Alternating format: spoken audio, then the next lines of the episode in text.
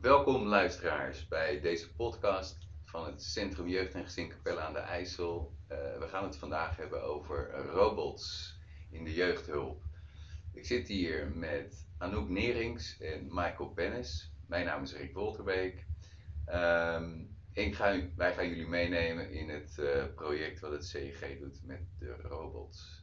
Anouk, ehm, eerst even een introductie. Eh, kan je even iets over jezelf vertellen en wat je rol is? Ja, natuurlijk. Ehm, ik ben dus Anouk Nerings. Ik ben PhD-student bij de Universiteit Utrecht. En het CRG heeft uh, ons benaderd om onderzoek te doen naar uh, robots in de jeugdhulp. Dus in het kort gaat mijn promotieonderzoek over uh, robots in de jeugdhulp. Oké, PhD betekent dat je gaat promoveren? Ja, precies. Oké, goed. En hoe lang ga je daar, hoe lang duurt dat? mijn promotietraject duurt vijf jaar. Oké dit is uh, aardig lang voor een promotietraject. Uh, en ik heb er inmiddels één jaar op zitten, dus nog vier jaar te gaan. Goed, duidelijk. Ja. Michael. Hi, ik ben uh, Michael. werkzaam bij het Centrum voor Jeugd en Gezin als jeugd- en gezinscoach. daarbij ben ik schoolcontactpersoon en trainer. En doe ik mee met de pilot voor de inzet van de robots binnen het Centrum van Jeugd en Gezin. Oké, duidelijk. Zeg, um, dit project met uh, de robots op het CEG. Um, ik heb ze al eerder in de gang zien staan. Uh, Michael, jij bent vanaf het begin betrokken geweest. Kan je daar iets over vertellen? Uh, hoe dat gekomen is en wat er tot nu toe gebeurd is? Ja, ehm, nou, ze werden om en nabij twee jaar geleden werden ze geïntroduceerd tijdens een CEG-dag door de bestuurder. naar aanleiding daarvan hebben we eigenlijk een, een werkgroep Ehm, gevormd van, te kijken van hoe kunnen we de robot weer gaan inzetten. Ehm, en we zijn eigenlijk in het begin uh, met een aantal andere jeugd- en gezinscoaches uh, op spelende wijze zijn we gaan proberen te ontdekken van hoe kunnen we dat nou inzetten. En als eerste hebben we hem gebruikt bij uh, de massavaccinatie. wat simpele besturingen toen gedaan en wat, eh, wat woorden of wat, wat zinnen kon vertellen. Toen hebben we gekeken, hoe kunnen we dat nou gestroomlijnder maken. En uiteindelijk eh, gaf de robot instructie aan de kinderen tijdens de tweede massavaccinatie. En uh, voor de derde massavaccinatie hebben we ook nog zelfs een instructiefilmpje laten ontwikkelen. En dat de robot die kan afspelen en tegelijkertijd ook nog de kinderen een beetje kan vermaken. tijdens de eerste twee, want de derde is helaas door corona niet meer doorgegaan, werd de robot positief uh, ontvangen. Kinderen waren leuk ermee bezig en ook, hè, er was heel veel interesse. En dat heeft eigenlijk ervoor gezorgd dat we verder zijn gaan uh, kijken van hoe kunnen we hem nog meer inzetten. We hebben hem toen ingezet voor de visusmeting, dus hè, de oogtest van kinderen van uh, drie tot vier jaar. En um, als eerste hebben we dus gekeken van hè, kan de robot ook instructies geven aan de kinderen. Uh, wat de kinderen moeten doen, wat er van ze verwacht wordt. Um, dat liep wel wat lastiger. Hè. Individueel vonden de kinderen toch wat, uh, wat spannend en uh, er was minder contact. dus we hebben eigenlijk gekeken hè, hoe kunnen we nou, wat zijn nou de basisvoorwaarden om, in contact te treden met een robot of om een robot contact gaan maken met een kind. En ehm, ja, hè, met, de, met de inzet van de Universiteit van Utrecht willen we gaan kijken wat daar de, de basisvoorwaarden voor, okay. voor zijn. voordat we verder gaan, kan je iets vertellen over uh, hoe die robots eruit zien? Want uh, dat kunnen de luisteraars oh, ja. natuurlijk niet zien. Uh, we hebben twee soorten robots. We hebben een, een wat grotere, ja, is bijna een kindformaat. Dus een meter? Een meter, denk ik, 1 meter 20, 1 meter 30. Ja die rijdt, die staat op wielen, maar voor de rest ziet hij er wel als uh, ja, gewoon een menselijk formaat Armen, benen, Armen, hoofd. benen, hoofd en een soort iPad uh, op zijn borst. Dus een scherm op zijn borst. Ja. ja. En daarmee, uh, daar hebben we er twee van. En, en, we hebben voor de rest ook nog een heel klein, een, echt een kleintje, ik denk zo 30, 40 centimeter. Ook voor de rest menselijke anatomie, dus een hoofd, armen en benen. Die kan wel lopen en die kan wel allerlei dingen doen. Uh, Ja, dat zijn ze eigenlijk, die twee. Ja. En denk, zijn, eh, denken ze zelf of worden ze op afstand bestuurd? Of, Op dat- dit moment worden ze op afstand bestuurd. Ah. En we hopen later dat ze toch wel, naar aanleiding van eh, bepaalde commando's of woorden, dat ze daarop zelf kunnen reageren. Goed, oké. Eh, je eindigde net met ehm, dat in een later onderzoek bij visumsmeting bleek dat het contact niet altijd eh, goed is. En toen eh, legde je een linkje naar eh, Universiteit Utrecht. Dus dan ga ik naar Anouk.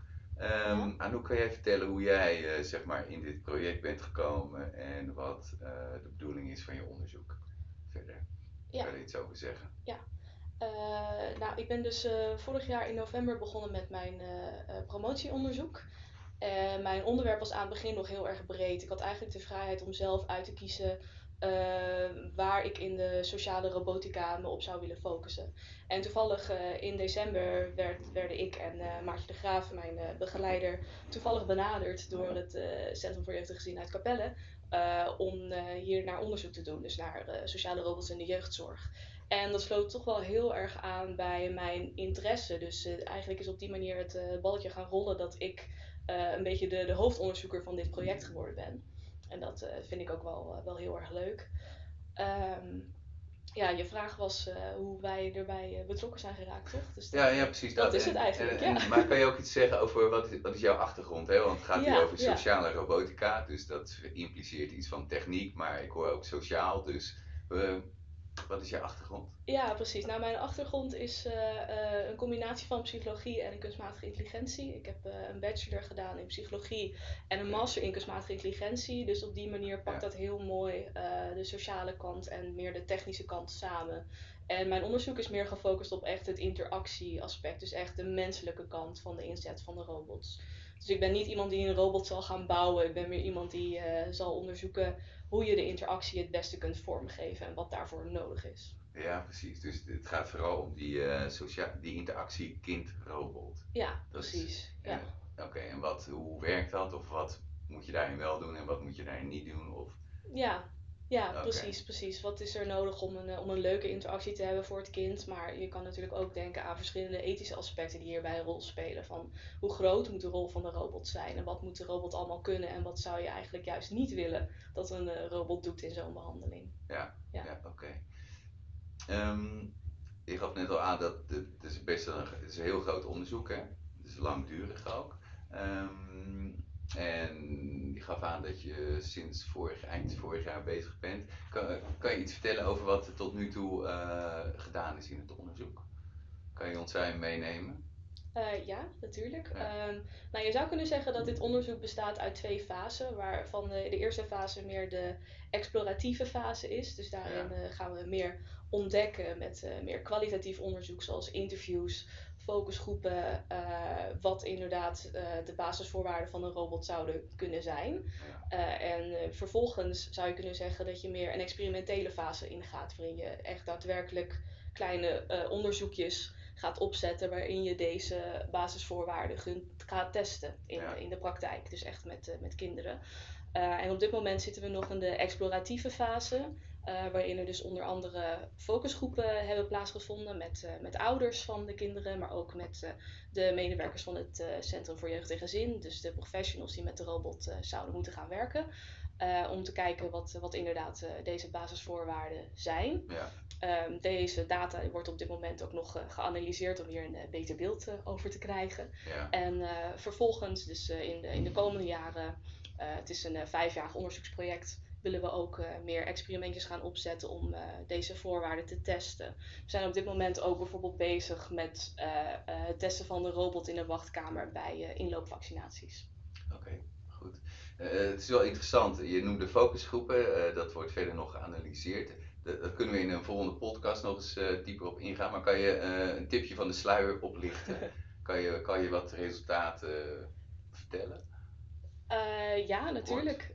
In het kort, ja. Eh, even denken hoor, wat nou de meest eh, belangrijke resultaten zijn. Eh, nou, als eerste kwam heel duidelijk naar voren dat een, een robot nooit de professional kan vervangen, omdat de robot toch een bepaald menselijk aspect mist, wat hij nooit volledig zou kunnen aanvullen. Ehm, dus de robot moet echt een, een tool zijn, echt een, een, een, een, tool die de professional kan gebruiken in, in de behandeling.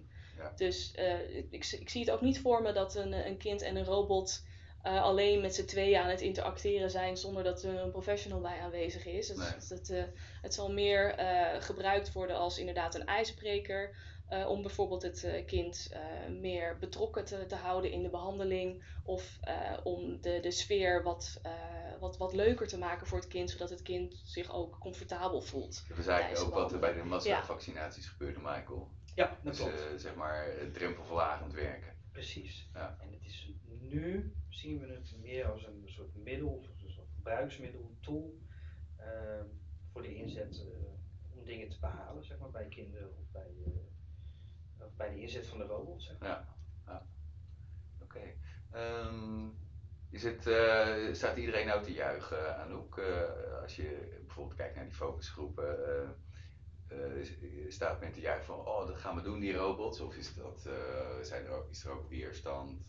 Er is zeker weerstand. Ja, wat ik, wat ik zelf opvallend vond aan de focusgroepen was dat de ouders hierin positiever leken te zijn dan de, de professionals. Dus dat Ja. de professionals meer eh zoiets hebben van, oh, dan, eh, dan moeten we een robot gaan gebruiken. Ik weet helemaal niet hoe die robot werkt. Eh, dat gaat me alleen maar meer tijd kosten in mijn werk. Dus dat daar dan een beetje wat, wat, wat zorgen over zijn. Ja. Al wordt er wel ook door, door eh, eigenlijk door iedereen gezegd dat een robot zeker leuk kan zijn voor kinderen. Dus zeker een eh, toegevoegde waarde ook kan hebben in de behandeling. Ja. Ehm, en eh, de, de ouders die, die leken wat meer, eh, ja, wat meer, meer open daar, daarin over, voor de inzet van robots. Die konden zichzelf ook Ja. voorstellen dat voor hun eigen kinderen het, het leuk zou zijn als er een robot zou zijn. Oké, ja, ja, Ja. ja, ja. ja. En als je dat zo vertelt, ehm, kan je daar iets mee voor in de rest van je onderzoek? Zeg maar, dat dus blijkbaar toch wel enig, enigszins controversieel kan zijn, eh, het gebruik van robots in de jeugdhulp. Ja, daar kunnen we zeker wat mee. Het eh, maakt als eerste eh, het ook weer duidelijk hoe belangrijk het is dat je alle betrokkenen bij het onderzoek meeneemt vanaf het begin al. Dus Ja. dat je inderdaad rekening houdt met, met, met de weerstand die er is en dat je dat ook probeert om op een bepaalde manier op te lossen of om ook goed over na te denken. Dus wat bijvoorbeeld al heel erg kan helpen is om eh, zowel de professionals als de ouders goed te informeren over wat de robot precies kan en wat de mogelijkheden ervan zijn Ja. omdat eh, dat, dat blijkbaar nog niet duidelijk is. Wat natuurlijk ook logisch is, want er is nog weinig onderzoek naar gedaan. Ja, ja, precies. Ja. Ja, oké. Dus het is in die zin ook best wel, eh, eh, ja, hoe zeg ik dat, fundamenteel onderzoek. In die zin, we, we zijn wel kennis aan het vergaren. Het is niet zomaar iets eh, vertalen in een praktische toepassing. Ja, Ja, zeker. oké. zeker. Dus dat is ook wel interessant natuurlijk. Ja. Ja, ook voor onze professionals. Zeker, ja. En Michael, als jij nou ehm, in de praktijk hè, als jeugd- en gezinscoach, je verplaatst jezelf over drie jaar en je gaat op stap eh, met je rugzak en je koffer. Hoe zie jij de, toepassing, de ideale situatie qua toepassing van een robot? Dus je neemt gewoon je robot mee. Of waar ga je hem inzetten? Eh, nou ja, weet je, we hebben verschillende eh, soorten ideeën in ieder geval waarvoor we de robot kunnen, kunnen of willen gaan inzetten. Ehm, als eerste hè, zouden, we, eh, zouden we een idee kunnen hebben, hè, de robot als bruikleen in kunnen, in kunnen zetten bij ouders of bij gezinnen thuis. eh, ter ondersteuning of voor structuur te bieden of kinderen die heel erg gebaat zijn juist bij een vast dagritme. En ehm, dus daar hè, dus daar zou die ingezet kunnen worden. Dus zou er ook minder intensief een jeugd- en gezinscoach of een ambulante begeleider eh, daar eh, aanwezig hoeven te zijn. En Wat, wat voor soort kinderen zijn het dan? Of wat voor een... Ehm, nou ja, weet je, we, zitten, we denken nu eh, bijvoorbeeld of ouders met een lichtverstandelijke beperking, Ja. of kinderen met, die, die gediagnosticeerd zijn met, met autisme. Ja. Die zijn best wel, structuur is, is heel belangrijk voor ze, dat ze de dag kunnen voorspellen wat er, eh, wat er kan gebeuren. Het voordeel van een robot daarmee is, hè, eh, ze houden zich echt aan de vaste tijden. De opdrachten die ze geven, er zit ook, bij, zit ook geen intonatie in.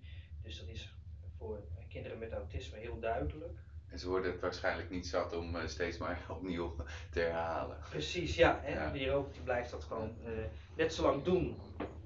Ja, Ja, totdat wij zelf zeggen van nou, hij moet nu iets anders doen. Ja.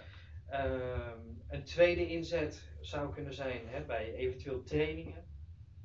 Ehm, dat een, bijvoorbeeld een, een hoofdtrainer die, hè, die geeft dan, eh, de trainingen, die geeft de instructie voor de les of voor de oefening. En eh, dat jongeren of kinderen in groepjes samen gaan werken met een, eh, hè, dat kleine robotje in het midden. En dat ze daarmee de opdrachten doen en dat die robot gelijk direct van feedback voorziet. Dus training. Dus hè, Ja. voor training. Ehm, wat wij ook vaak hebben bij eh, het Centrum voor Jeugd en Gezin zijn moeilijke gesprekken met kinderen. En dan moet je denken aan eh, huiselijk geweld of, of andere zaken die voor kinderen echt heftig kunnen zijn. Ja. Eh, wat wij vaak nu merken, hè, dat, is, dat zijn, eh, kinderen zijn heel loyaal naar de ouders of naar een bepaald iemand toe. eh, waardoor de gesprekken, waardoor ze niet alles prijsgeven. En we hebben het idee of een theorie dat kinderen sneller zullen praten tegen niet-menselijke eh, vormen. En, eh, en we, we denken dat daar bij de robot veel makkelijker eh, als een maatje gezien kan worden bij een kind. En dat hij het ijs sneller kan breken. En dat het kind misschien wel meer zal vertellen tegen een robot. Of op een praktische manier door middel van interactieve opdrachtjes meer zal vertellen bij een robot. Ja. Hoe, hoe, hoe moet ik dat voor me zien? Interactieve opdrachtjes. Eh, nou, een, heel simpel voorbeeld. Ehm, er is iets in een, in een thuissituatie gebeurd. En ehm, de robot vertelt, nou, wat, was er, hè, wat gebeurde er op dat moment? Of, en wie was wat aan het doen? Hè? Dat je bijvoorbeeld door middel van kaartjes met bepaalde QR-codes, eh, die aan de hand van de situatie zijn eh, gescand. Eh, dat het kind een kaartje pakt en dat het kind dan het kaartje laat zien met die QR-code.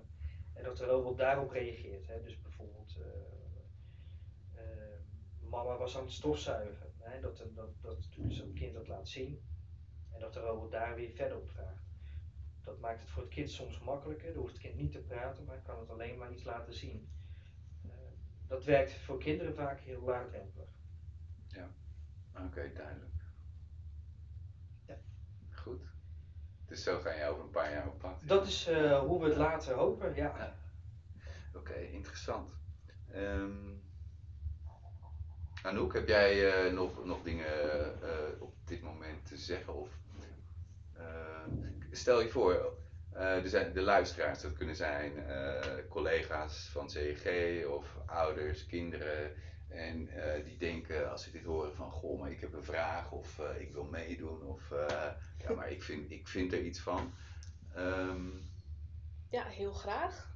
Ja. ja, daar staan wij zeker voor open. We willen Ja. juist inderdaad zo- zoveel mogelijk ouders en, en medewerkers hierover horen of andere ja. betrokkenen, geïnteresseerden. Oké, dus dan eh, betekent dat ze gewoon contact kunnen opnemen met CG.